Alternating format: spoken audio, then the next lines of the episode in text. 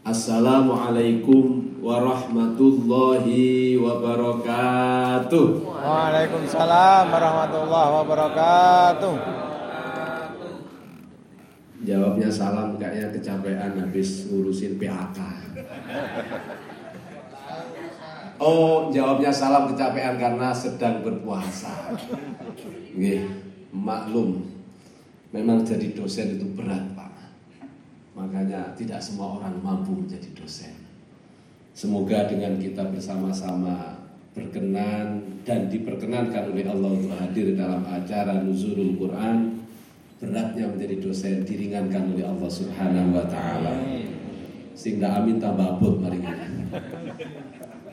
Alhamdulillahi Rabbil Alamin Alhamdulillahilladzi ja'alana minal muslimina wal mu'minin Wa bil Qur'anil azim Wa karramana bi ummati sayyidil mursalin Sayyidina wa maulana Muhammadin Sallallahu alaihi wa ala wa ashabihi Wa huda ila yaumiddin Amma wal afadil Para profesor Yang merupakan jabatan tertinggi di dunia Pak Ini impian semua akademisi menjadi profesor termasuk saya Pak Cuman saya nggak tahu gimana caranya tiba-tiba jadi profesor Makanya mungkin jadi menteri dulu atau jadi presiden dulu Insya Allah nanti dapat profesor honoris usah. Amin. Allahumma amin. Pesannya satu tadi, Prof. Pak Wakil Rektor. Sampean ceramah di depan ahlul ilmi wa ahlul hilmi wa ahlul hikam. Terus kata opo aku. Nah, singkat cerita kita rembuk wis pokoknya lucu-lucuan naik, dihibur orang-orang. Karena wajahnya sudah ditekuk-tekuk karena puasa plus ngurusin PAK yang hari ini deadline katanya. Oh ya sudah. Tiba-tiba datang Bu Titi. Boleh bicara apa pun, tetapi jangan pernah menyinggung soal poligami. Disambut sama Gus Riksa. Lu yang menarik itu yang poligami loh.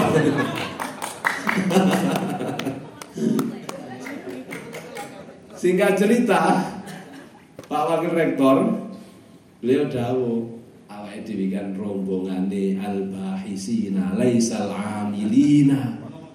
Ngomong dong, jadi jangan dihindari kalau ngomong aja nggak boleh khawatir nanti diam-diam malah. Sallu ala Nabi Muhammad. Ngomong wira oleh. Ayyuhal afadil yang senantiasa saya muliakan, Rektor UIN Wali Songo Semarang Profesor Dr. Kiai Haji Imam Taufik MAG yang menjadi wasilah saya bisa silaturahim dan berdiri di tempat yang mulia ini. Betul, dia memperjuangkan Semoga perempuan. ikhtiar beliau untuk menyambungkan kita dalam majelis yang penuh barokah, majelis silaturahim sekaligus majelis ikraman wa kan ta'ziman lebih bil aku Quran punya satu. dicatat sebagai amal soleh. Profesor Dr. Kiai Muhsin Jamil MAG, Wakil Rektor 1 yang senantiasa saya hormati, saya takzimi. Kita ketemu di mana dulu, Prof? Di UI atau di mana, Prof? Di UI Nah, elek-elek ini aku ya ketemu Profesor di UI loh, Pak. Kira-kira udah percaya apa enggak namanya nih? Saya tadi masuk itu auranya ini meragukan saya di sini. Isopo iki titelera enak. Ini. Oh, itu kan tambahan nih, Pak. Yang itu tidak boleh saya catat, yang nyatat harus orang lain. Karena katanya kalau Kiai Haji itu memang istrinya pasti lebih dari satu. Loh, ini katanya gila wakola, tapi itu masyhur wa ma'ruf. Makanya kenapa profesor-profesor lebih memilih untuk tidak mencantumkan Kiai Haji karena memang cuma satu istrinya. Beliau semua lebih memilih menjadi profesor, tidak menjadi kiai karena khawatir kalau berani melompat menjadi kiai, istrinya lebih dari satu, istri pertama meninggalkannya.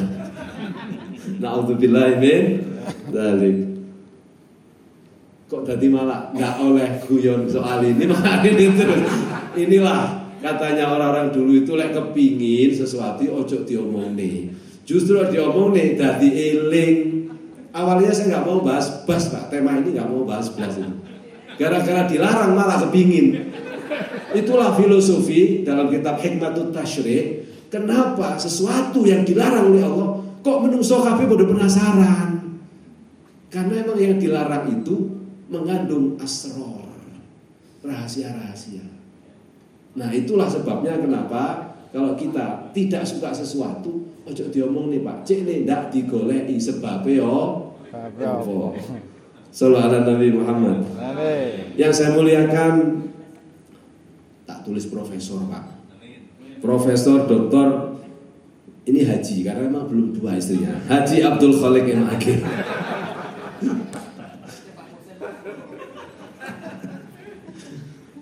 Wakil Rektor 2 yang tadi sudah menyampaikan sambutan. Beliau tidak kenal saya secara dekat, baru kenalan tadi ya. Cuma tadi kaget ketika disebutkan oleh pembicara, uh, pembawa acara, ini penceramah di Amerika, di mana, di mana. Beliau meragukan, tenang abang. Lek jawab tenanan pora jenengan follow saya at Gusaid 80 dah.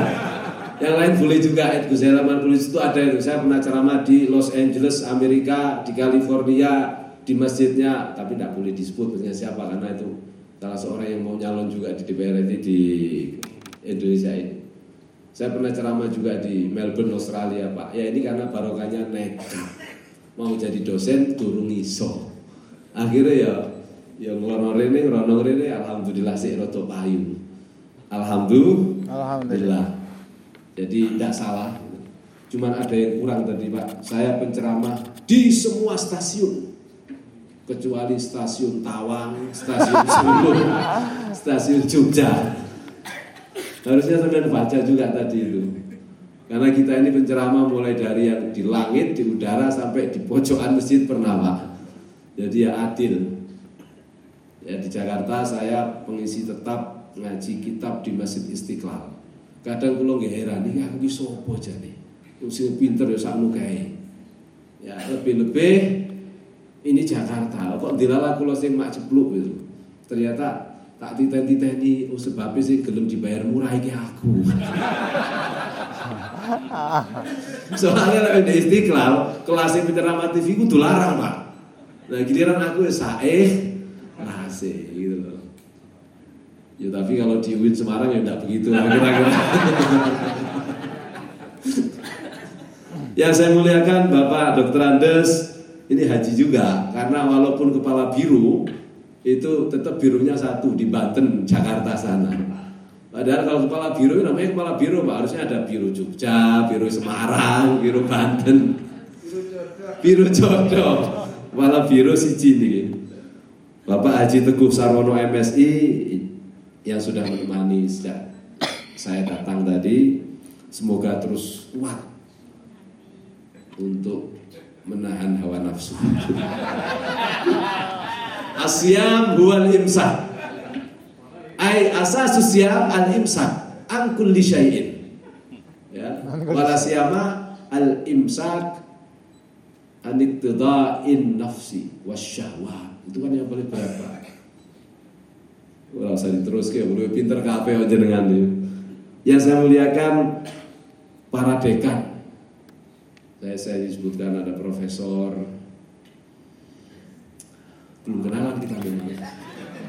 Profesor Ilyas, dekan Fakultas Dakwah, dekan-dekan lain yang tidak bisa saya sebutkan satu persatu tanpa mengurangi salumat, wakil dekan, para kepala jurusan, kepala jurusan dan kepala prodi sekarang Pak. Kepala jurusan, kepala prodi, dan seluruh dosen serta tenaga pendidik dan sedikit sekali mahasiswa yang hadir di tempat yang mulia ini. Ada mahasiswanya nggak? Benar. Saya perlu sebutkan sedikit sekali. Karena kalau salah Pak, yang salah ini bukan saya, yang salah Kiai Riksa. Ya, kita doakan semoga semua yang hadir di tempat ini mendapatkan barokahnya Al-Quran. Amin.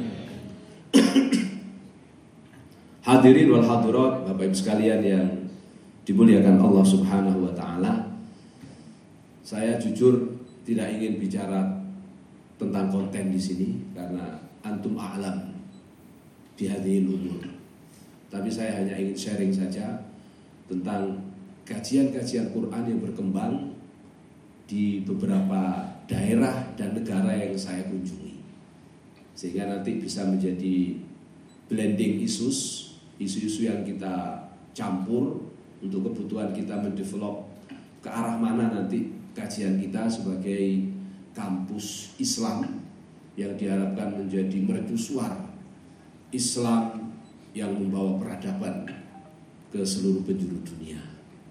Jadi nanti kalau ada yang salah-salah ya berarti sampean harus membuktikan dengan datang ke negara tersebut. Nah itu lebih aman bagi saya daripada saya bicara baca kitab nanti kalau salah ketahuan goblok ya pak. Jadi kalau saya bicara pengalaman di Amerika, pengalaman saya di Mesir, pengalaman saya di Jordan, pengalaman saya di uh, Aljazair, di Maroko, nah minimal yang pernah di sana mungkin bisa membantah. Tapi tentu tidak akan berani membantah di forum ini karena waktunya terbatas. Ini alasannya Pak Broto, nah berarti pinter hasilnya Pak. Hadirin wal hadirat rahimana wa rahimakumullah. Kita hadir ke tempat yang mulia ini sejatinya bukan karena undangan Pak Rektor, bukan karena undangan hadirnya saya, tapi kita hadir di tempat ini karena Allah mengetuk hati kita untuk ihtiraman wa ikraman wa ta'ziman lil Quran. Maka mari kita niati barang satu dua sepuluh menit ke depan hadirnya kita ini semata-mata untuk isyhad untuk kita membuat persaksian bahwa kita ini adalah min ahlil Quran. Amin. Semoga dengan kita mengaku min ahlil Quran, mengaku Pak.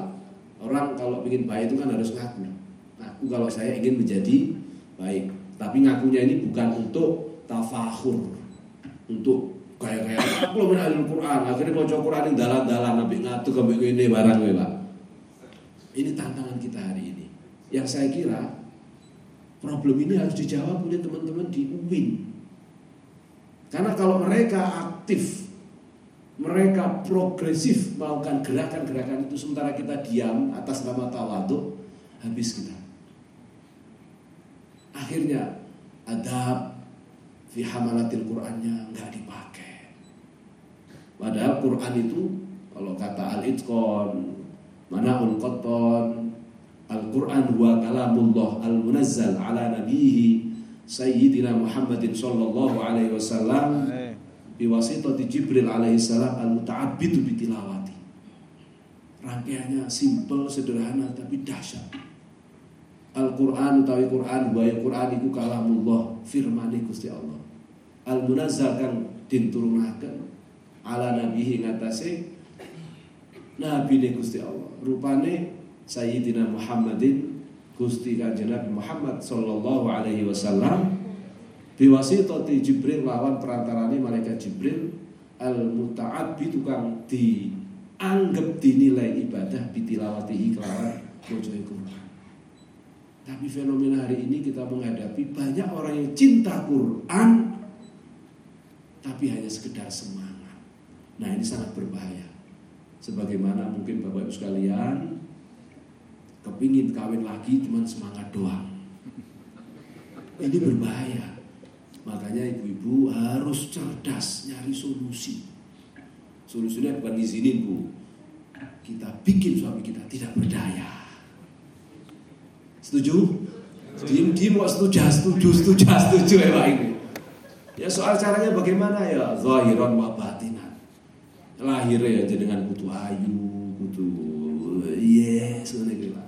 Batinane yo jenengan wiriti bendina dengan ngaji Quran, Pak. Insya Allah pagere Quran luwih kuat, luwih ampuh timbang pagere Duit. Pagre duit.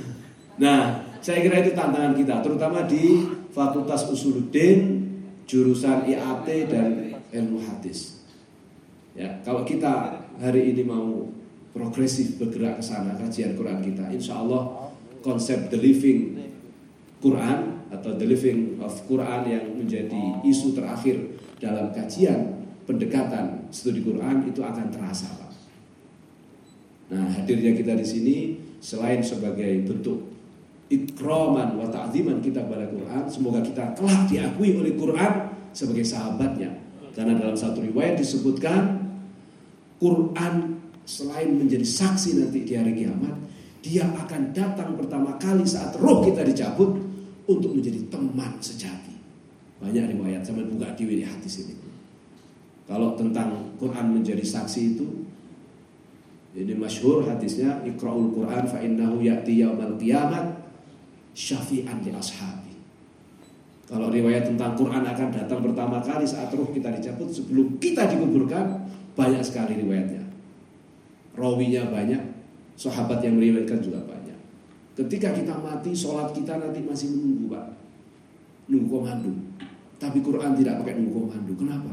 Karena kata Quran, Orang ini ketika hidup sudah sibuk waktunya untuk menemani saya. Orang lain tolanan HP, tolanan apa namanya Pak? Kalau HP itu setan gepeng, tapi kalau setan kotak namanya TV Pak. Tapi kalau belakang ini apa namanya? Iblis kotak. sibuk dengan main HP, sibuk dengan mainan-mainan yang lain. Tapi ada teman saya ini yang tiba-tiba mojok baca Quran. Sementara yang lain sibuk tidur, sibuk main gaple di malam hari dia terbangun baca Quran. Mana mungkin saya akan meninggalkan saat dia butuh taman sendirian. Itu persaksian Quran.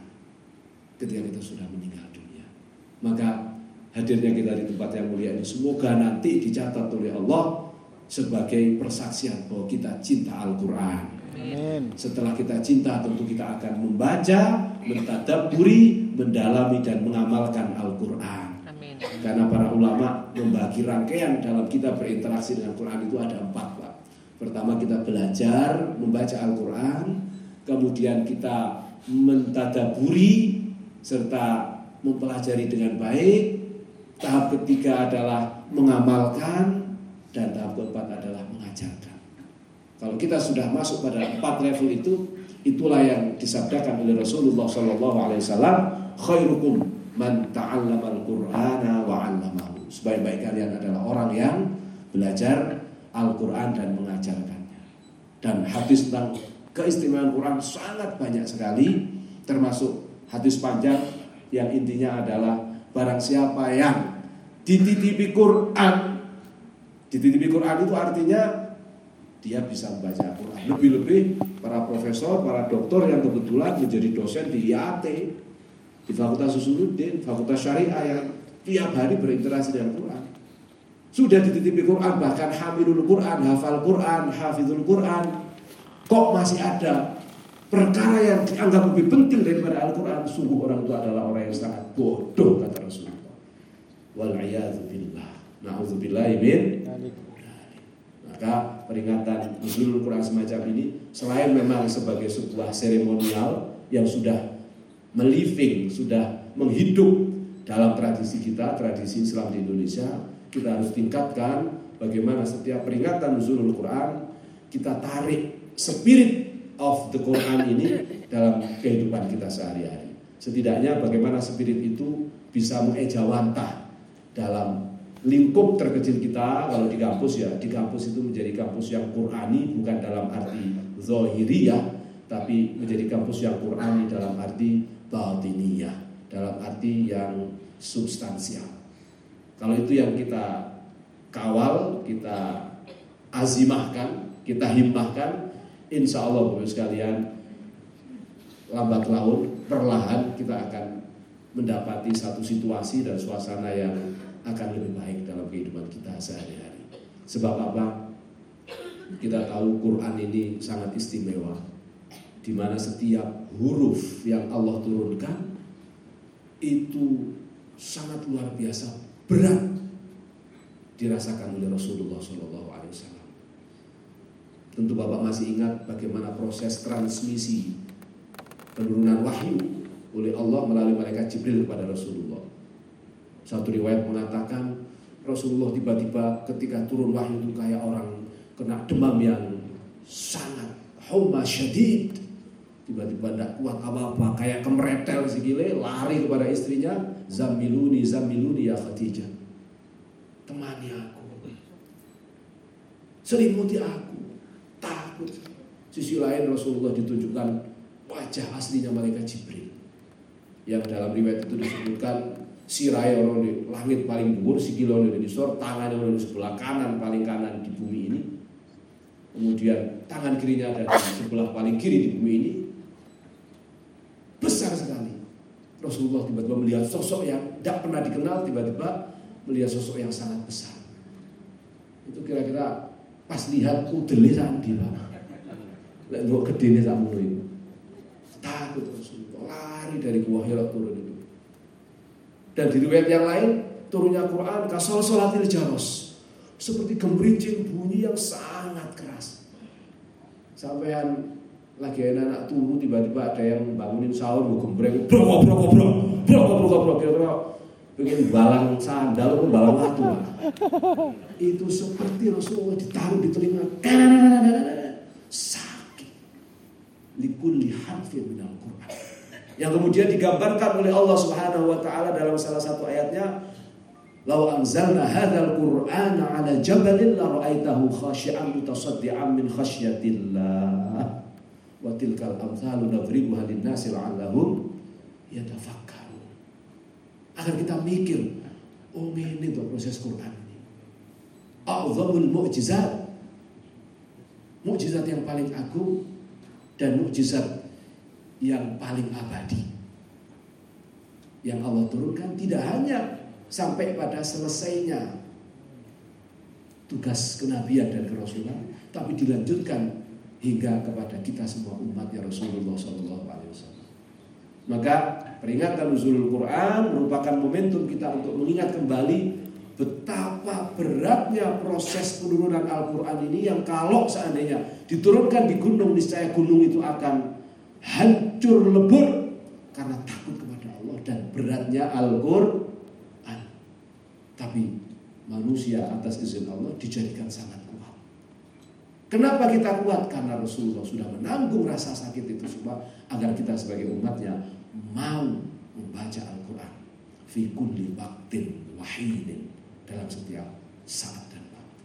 Pertanyaannya, di umur kita yang hari ini sudah sebagian 60, sebagian 50, sebagian 40, 30 sudah beranjak lebih progresifkah kita? Sudah beranjak lebih baikkah kita dalam berinteraksi dengan Quran sejak kita mengenal Al-Quran pertama kali belajar alif bata. Jangan sampai kita menjawab cara baca Quran saya masih sama ketika saya masih S1 yaitu hanya membaca Al-Quran dari sisi ayat-ayat yang berbahasa Arab. Tapi tidak ada keinginan untuk mencoba mendalami. Likulli ayatin walikulli suratin. Yang Allah turunkan. Padahal panjenengan Bapak Ibu sekalian kalau dikasyaf oleh Allah, difutuh oleh Allah sama-sama membaca Huwallahu ahad dalam keadaan sholat, dalam keadaan kita tidak sholat itu timbangannya berbeda. Kimahnya berbeda. Nah siapa yang bisa merasakan itu dan diberikan anugerah sebagai makdubah, sebagai hidangannya Allah untuk merasakan nikmatnya Al-Quran tidak lain orang yang diberikan ini adalah orang-orang yang sudah memiliki mahabbah cinta kepada Al-Quranul Karim dan mahabbah ini harus diwujudkan cinta ini harus diwujudkan dalam bentuk kita berniat untuk terus mendalami Al-Quran fituli hayatina hatta ja'a ajaluna.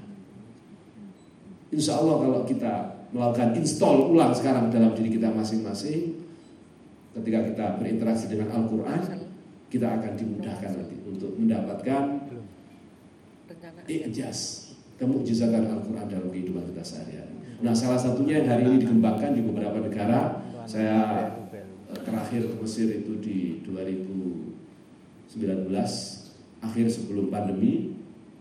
Di sana lagi dikembangkan kajian sama temanya living Quran Pak. Ya, tetapi betul-betul terasa. Bagaimana Quran itu sebagaimana yang difirmankan oleh Allah Subhanahu wa taala wa nunazzilu minal Quran ma huwa syifaa'u wa rahmatun lil mu'minin. Jadi Quran tidak hanya didekati sebagai hudan lil muttaqin. Nah ini masih bab bagian awal surat Al-Baqarah Pak. Ya tidak apa-apa memang itu benar. Tapi harus meningkat. Sebagaimana dibaca oleh korek kita tadi, Syahrul Ramadan alladzi unzila fihi al-Qur'an hudal nasi wa bayyinatin minal huda wal furqan. Bagaimana setelah Quran itu betul-betul eksklusif menjadi buku panduan kita, guideline of our life ini sebagai orang yang beriman dan bertakwa, kita harus meningkat bagaimana Quran menjadi hudan linnas. Panjangan buka dalam semua tafsir. Hudan linnas ay li jami'in nas. Amma huwal mu'min wa amma huwal kafir. Artinya solusi dan problematika kita hari ini sebenarnya sudah disediakan oleh Quran. Tentu bukan hanya merefer dan merujuk pada teks-teks Quran yang secara ijmali kita baca ini, tapi digali dari setiap ayat mulai dari suratul Fatihah sampai An-Nas itu kaitan-kaitan yang bisa menjadi solusi dari problem kita. Yang itu sudah dikasih kode sama Rasulullah, Al-Qur'an huwal akhbarul awwalina wal akhirin. Itu adalah informasi-informasi dan asrarul awwalina wal akhirin. Rahasia-rahasia masa lalu dan masa yang akan datang. Idza turidu an ta'riful ahbar wal asrar fil awwalin wal akhirin faqra'ul Quran. Kalau dulu Nabi Sulaiman bisa terbang lewat angin, Quran mengabarkan itu. Dan artinya ilmu itu ada sampai sekarang. Sampai tahun 1700-an kita mendapatkan ada ilmu halimun di Cirebon. Betul apa enggak? Nah, kita yang hari ini masih diberi kesempatan, masih hidup di bumi yang sama, tahta sama wa Sebagaimana bumi yang dulu diinjak oleh Nabi Sulaiman, diinjak oleh Nabi Ibrahim, diinjak oleh baginda Rasulullah Shallallahu Alaihi Wasallam. Yang karena Rasulullah membaca Al-Quran, beliau dimuliakan. Kullul makhluk, setiap makhluk yahtarimunahu, menghormati Rasulullah. Kita ingat kalau Rasulullah jalan, awan selalu menaungi, angin mengiringi semilirnya pohon-pohon batu-batu yusalimuna mengucapkan salam pada Rasulullah. Leres nama buatan? Lek gak percaya itu bangetan sampean. Nah, bagaimana kita di era modern mencoba masuk ke ruang itu hari ini? Jadi pendekatan kajian Quran tidak hanya formal approach, pendekatan formal Pak, yang hanya ya kita baca, kita pahami, apalagi pendekatannya kita perluas hanya sekedar pendekatan positivistik Pak yang hanya dinilai bahwa ini masuk akal karena rasional. Nggak bisa, Al-Quran itu irrasional dalam beberapa segmentasinya. Walaupun kita sepakat Quran itu semuanya makul. Karena kalau kita berdasar pada sumber dari ajaran Quran yaitu tauhid, tauhid itu makul, Pak. Gusti Allah menikah setunggal, Gusti Allah itu esa, itu sangat makul. Justru kalau ada dua, tiga atau banyak malah nggak masuk akal. Nah, belum sampainya akal kita menjangkau makulnya Al-Quran itu, itulah yang harus terus kita kawal. Jangan sampai karena keterbatasan akal kita akibat malas tidak mau membaca, tidak mau meneliti dan seterusnya, akhirnya kita memfonis, wah nggak bisa di sini, kajiannya sampai di sini saja, ini nggak masuk akal dan seterusnya. Nah itulah yang hari ini kita membaca tetangga kita, agama tetangga kita, itu sengaja membuat studi khusus tentang Quran. Saya kalau mungkin pernah ke Israel, ada yang pernah ke Israel? Nggak berani angkat tangan ya, karena lagi isunya lagi hot ini. Khawatir dianggap agen Zionis. Di situ ada kampus Pak yang khusus menyediakan Islamic Studies lebih khusus Quran. Untuk apa? Mereka mengkaji the coding of Quran untuk membuktikan kabarnya Rasulullah, Quran itu adalah pembawa kabar masa lalu, pembawa rahasia masa lalu, dan pembawa kabar masa depan, serta pembawa rahasia masa depan. Maka temuan-temuan baru, apakah itu Facebook dalam konteks menjalin hubungan antar orang di seluruh dunia yang dulu nggak bisa kita bayangin, Pak. Lalu terbentuklah. Itu adalah hasil dari kajian-kajian yang mendalam terkait the coding of Quran.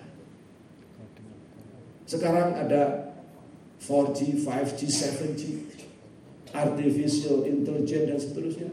Yang bentuknya itu kan tidak dibahasakan dalam bahasa agama, tapi semua adalah bagian dari kajian terhadap apa yang akan terjadi di masa yang akan datang yang mereka sudah mulai mengkajinya. Sementara kita masih berdebat soal halal, haram, syirik, bid'ah. Leres nopo boten. Dan itu saya ngaji kitab Risalah Ahlu Sunnah Jamaah ataupun asasnya Mbah Hasim Asari itu di zaman Mbah Hasim juga ada begitu sudah. Dilacak lagi ke belakang di zamannya Imam Syafi'i sudah ada. Di zamannya Imam Ghazali sangat beliau berpesan dalam ringkasan kitab Ayyuhal Waladnya beliau mengatakan hati-hati dengan orang-orang yang hanya pandai berdebat iyyakum wal fuqaha lebih kok be ahli fikih kon hati-hati soalnya ahli fikih itu kebanyakan debat ya. dengan sing tahu mondok di atas 10 tahun di pesantren sing kelas musawir lihat Waya sembahyang rokokan jedar jedar waktu ini kan muasa leres nama badan ngeremeh nodok wae mustahil. Makanya betul juga kata guru kita Orang yang fakih kalau tidak diiringi dengan tasawuf, maka dia akan menjadi fasik. Tapi orang tasawuf yang tidak diiringi dengan fakih apa yang terjadi? Zindik. Man tafaqqah, man tafaqqaha walam yatasawwafa faqad faqad tafassaqa. Wa man tasawwafa walam yatafaqqaha faqad Nah, kita memperingati nuzul Quran kaitannya adalah bagaimana terus kita mengingat-ingat kemuliaan Quran yang menjadi mukjizat sampai akhir zaman. Bahkan di ba'dil riwayat Quran nanti akan diminta oleh ahli Quran untuk didatangkan lagi di surganya Allah Subhanahu wa taala. Karena kata Syekh Ibnu ilasakan dari amalan yang dirindukan oleh orang yang beriman kalau dia sudah meninggal dunia adalah zikrul aurat berzikir membaca wirid-wirid. Wa afdalu zikr wal aurat zikrul Quran.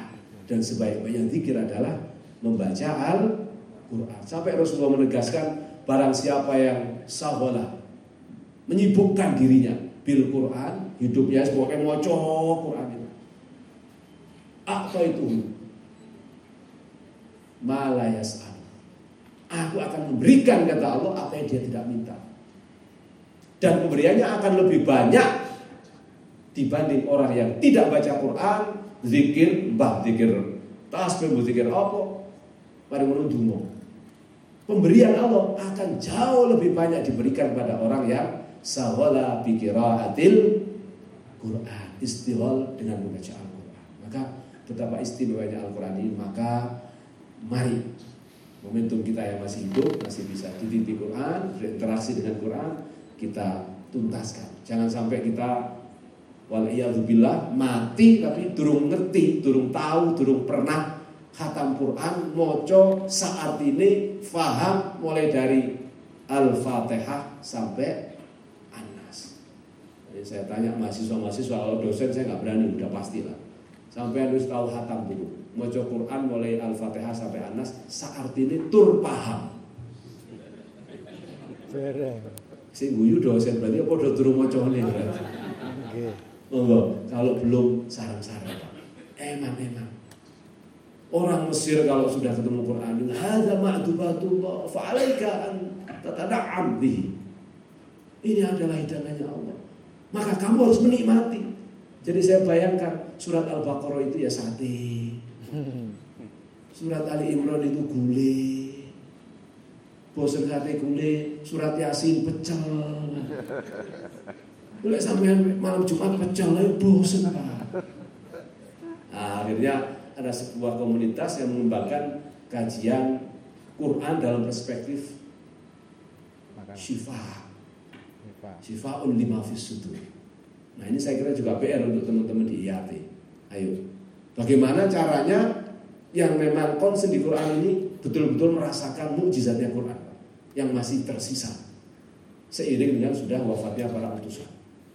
Nabi Musa tongkatnya itu selesai hilang setelah Nabi Musa wafat. Betul apa enggak? Kalau sekarang ada yang bilang ini tongkatnya Nabi Musa, ini pasti tongkat Ali dari Madura itu. Ngarang ya. Tapi kalau Rasulullah mengatakan Quran ini Quran yang dulu diturunkan saya, percaya apa enggak sampai? Percaya Pak? Inna nahnu nazzalna dzikra wa inna lahu lahafizun. Garisnya tegas. 5 menit lagi maksimal. Kata saya kan mulai menikmati soalnya. Maksudnya menikmati ngantuk-ngantuk piye gitu loh Pak. Saya sesungguhnya mau ngaji di sini karena niat saya mau itu halus surur Pak. Mau menghibur Pak. Karena Bapak sudah dalam beberapa hari terakhir ini sibuk dengan PAK itu Pak. Setidaknya dengan sampean duduk di sini, tatana zalat alaihimus sakinah wa wasiyatuhumur rahmah wa khaffat alaihimul malaikah wa dzukira fi man indah. Enggak usah terjemahkan apa kan saya itu. Sampean paling tidak anteng tadi. Wuyu-wuyu, seneng bahagia. Soalnya lali, lali tugasnya sebagai dosen, lali tugasnya ngajar, lali tugasnya ngurus PAK, minimal lali tugasnya ora perintah atasan-atasan. Itulah anak ikut pengajian. Coba sampai nggak ada di sini, udah saya yakin yang bagian administrasi paling eh tanda tangan, bikin bikin ini. Yang dosen mungkin udah ada ngajar sekarang. Gara-gara ada peringatan nuzulul Quran, kita dijamu oleh Al-Quran untuk duduk sejenak. Ya, ketawa sebentar. Habis ini balik mana Pak si ngajar ya ngajar. Ya toh? Yeah. Pak Wakil Rektor tambah sibuk lagi. Kita baca doa Fatihah terbaik untuk seluruh keluarga besar Sivitas Akademika Win Wali Songo Semarang untuk semua hajat-hajatnya. Wabil khusus Al-Hajatul Fardi, hajat-hajat personalnya seluruh keluarga besar Win mulai dari pimpinan, rektor, wakil rektor, dekan, wakil dekan, kajur, wakil kajur. Tidak ada wakil kajur Pak ya? Nggak ada. Sekjur adanya. Ya elek-elek ini kan aku ya dosen UI Pak. Gitu. Ini dosen yang tidak tetap. Karena kalau dosen tetap gajinya rapati gede. Masuk banter-banter ini. Akhirnya golek liane Pak.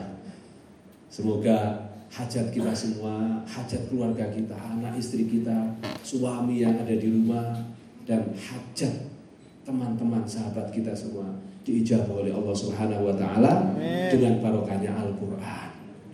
Semoga hajat dari Pak Rektor dan seluruh pimpinan yang ingin membuka fakultas kedokteran dalam waktu dekat yang hari ini sedang di follow up oleh Pak Rektor bertemu Pak Gubernur juga dimudahkan oleh Allah dan a'zamul hajat alaina jami'an hajat terbesar kita adalah intihai ajalina biqauli la ilaha illallah Muhammadur Rasulullah sallallahu alaihi wasallam.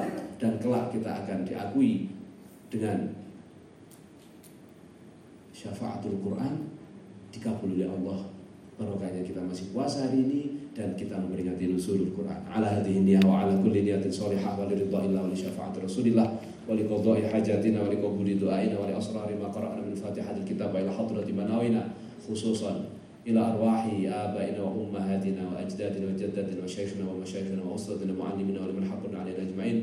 ونخص خصوصا إلى حضرة أرواح وأجداد أزواجنا وأولادنا وذريتنا وتلامذنا وأخينا وأختنا وإخواننا وأخواتنا ومن حق علينا أجمعين. ونخص خصوصا ما نوينا خصوصا ما نوى صاحب الحجات من رؤسائهم ومن أدنى منهم. خصوصا niat untuk kita maslahat di dunia Allah barakatul Quran al-azim wa barakatul Fatihatul mu'azzamah wa bi karamatil Quran sya'urillahi lana wa lahumul Fatihah أعوذ بالله من الشيطان الرجيم. بسم الله الرحمن الرحيم. الحمد لله رب العالمين. الرحمن الرحيم. مالك يوم الدين. إياك نعبد وإياك نستعين. اهدنا الصراط المستقيم. صراط الذين أنعمت عليهم غير المغضوب عليهم ولا الضالين. رب اغفر لي ولوالدي وللمؤمنين. آمين. يا رب العالمين. doa terbaik Fatihah jadi kalau buat ngajarin itu mani kalau dipaksa doa nanti Profesor eh, Musim yang harus doa nanti. Mengatakan sakit kalau terakan Panjenengan kan kita mau kan kapan mari ini kan? Dulu kan Enggak. Hah? Kapan dan mari yang nanti loh Satu aku diteriaki nanti ya tak rampung sih. Intinya Bapak Ibu sekalian monggo Quran betul-betul kita jadikan living dalam kehidupan kita sehari-hari. Misalnya lek sampean loro pikiran pertama maca Quran. Lek sampean duwe masalah maca Quran. Wa may yattaqillaha yaj'al lahu min amrihi yusra. Sampai loro wa nunazzilu minal Qur'an ma huwa shifaa'u wa rahmatun lil mu'minin. Wa la yazidu dzalimina illa khasara. Nah, piye carane iku tugasnya anak-anak IAT untuk mengkaji. Sampai pada level saya berharap Masuk sih gak iso pak Kan alumni-alumni udah banyak yang jadi profesor, doktor. Biar menjadi pembimbing. Tapi mahasiswa-mahasiswa anak IAT itu kan banyak yang hafal Quran. Yang lulusan pesantren salam. Kumpul nombok, om telung puluh ya pak. Di training khusus. Suruh baca semua tafsir Baru kemudian tidak usah bikin makalah-makalah yang itu Makalahnya bikin tafsir baru ala Uin Wali Songo. Semarang. Sebagai bagian dari pengkayaan karya-karya ulama Nusantara. Kalau bagi Soleh Darat bisa. Kalau bagi Imam Nawawi Banten bisa. Bayai uh, Ali Bris dan Istri Mustafa bisa. Beliau dulu menghadapi tantangan yang jauh lebih susah dibanding kita. Masa awal dewe kari kopi pas raiso Pak. Itu kan berarti karena bukan tidak bisa, sebab karena kita nggak mau. Lalu semua Nah, hal-hal kecil yang kita coba raih, insya Allah nanti aslah wa anfa fi hayatina dunia wal akhirah. Karena kita yakin Al-Quran salihun di kulli zaman wa makan. Nah, bagaimana kita meliving, menghidupkan, merasakan salihun di kulli zaman wa makan ini dalam kehidupan kita. Tidak hanya menjadi jargon Bapak sekali. Ya salah satunya dengan masing-masing dari ayat Quran itu betul-betul menjadi menjadi maktubah sehingga saat kita mau membaca Quran itu bukan karena kita terpaksa, apalagi hanya sekedar al muta'abbid bitilawati. Konsep membaca Quran dapat pahala masuk surga itu udah pasti, Pak. Naik sedikitlah kita. Kita baca Quran karena kita memang butuh dengan Al-Quran. Kita baca Quran karena kita rindu dengan Al-Quran. Karena kalau kamu ingin diajak bicara oleh Allah, ikra'ul Quran, kata sahabat. Karena membaca Quran, saya tidak ahli kalau tidak salah, itu sejatinya kita mengajak dialog kepada Allah Subhanahu wa ta'ala. Dan yang terakhir saya ingin garis bawahi Ahlul Quran Ahlullahi wa khassat Orang yang ahli Quran itu adalah Keluarganya Allah dan keistimewaannya. Ahlul Quran itu siapa? Bukan berarti yang hanya hafal Quran Enggak. Ahlul Quran itu Kulluman Yaqra'ul Quran Fi kulli yaumin Orang yang rajin baca Quran. Wa kulluman Yata'allamuna al-Quran Kulla yaumin Orang yang belajar Al-Quran Wa kullu man yu'allimun al-Qur'an kulla yawmin. Orang-orang yang mengajar Al-Qur'an. Wa kullu man yushajji bit ta'lim wa ta'allum bil Qur'an. Orang yang membiayai pendidikan Quran. TPQ, TPA jadi donasi. Biayai anak untuk tahfidz. Itu semua adalah ahlul Quran. Dan ahlul Quran itu adalah kemuliaan Allah yang levelnya tahtal anbiya. Kalau kita tahu sebegitu tingginya makom ahlul Quran itu, tentu orang yang berakal tidak mungkin menyanyiakan saya. Jangan sampai kita mati sebelum kita menjadi ahlul Quran. Fa'akrimuhu. Kata hadis kudsi. Muliakanlah ahli Quran. Kenapa? Dalam sarahnya para ulama Waman yukrimuna ahlal Quran Pada saya memuliakan ahlal Quran Yukrimuna Allah Allah akan memuliakan Waman ahana di ahli Quran Ahanahullah Barang siapa yang menghinakan ahli Quran Maka otomatis dia akan dihinakan oleh Allah Subhanahu wa taala. Maka mari bersama-sama kita berniat barokahnya nuzulul Quran, barokahnya kita memperingati di tempat yang mulia ini, kita memenuhi undangannya Al-Quran dan tentu undangannya Allah Subhanahu wa taala. Semoga kita semua mulai detik ini terus sampai kita meninggal dunia kelak kita dijadikan oleh Allah orang-orang yang cinta kepada Al-Quran, lafdon wa ma'nan, zahiran wa batinan. Amin. Allahumma amin. Syukran wa dumtum fil khair wal afu minkum. Ihdinas siratal mustaqim. Wallahul muwaffiq li aqwamit thoriq. Mohon maaf jika banyak salah dan khilaf dari saya. Semoga ini menjadi persaudaraan yang tidak hanya di dunia tapi kelak menjadi persaudaraan kita yang saling menguatkan di akhirat. Gandengan tangan bersuara Gusti Allah bareng-bareng. Amin. Allahumma Amin. Wassalamualaikum warahmatullahi wabarakatuh. Waalaikumsalam warahmatullahi wabarakatuh.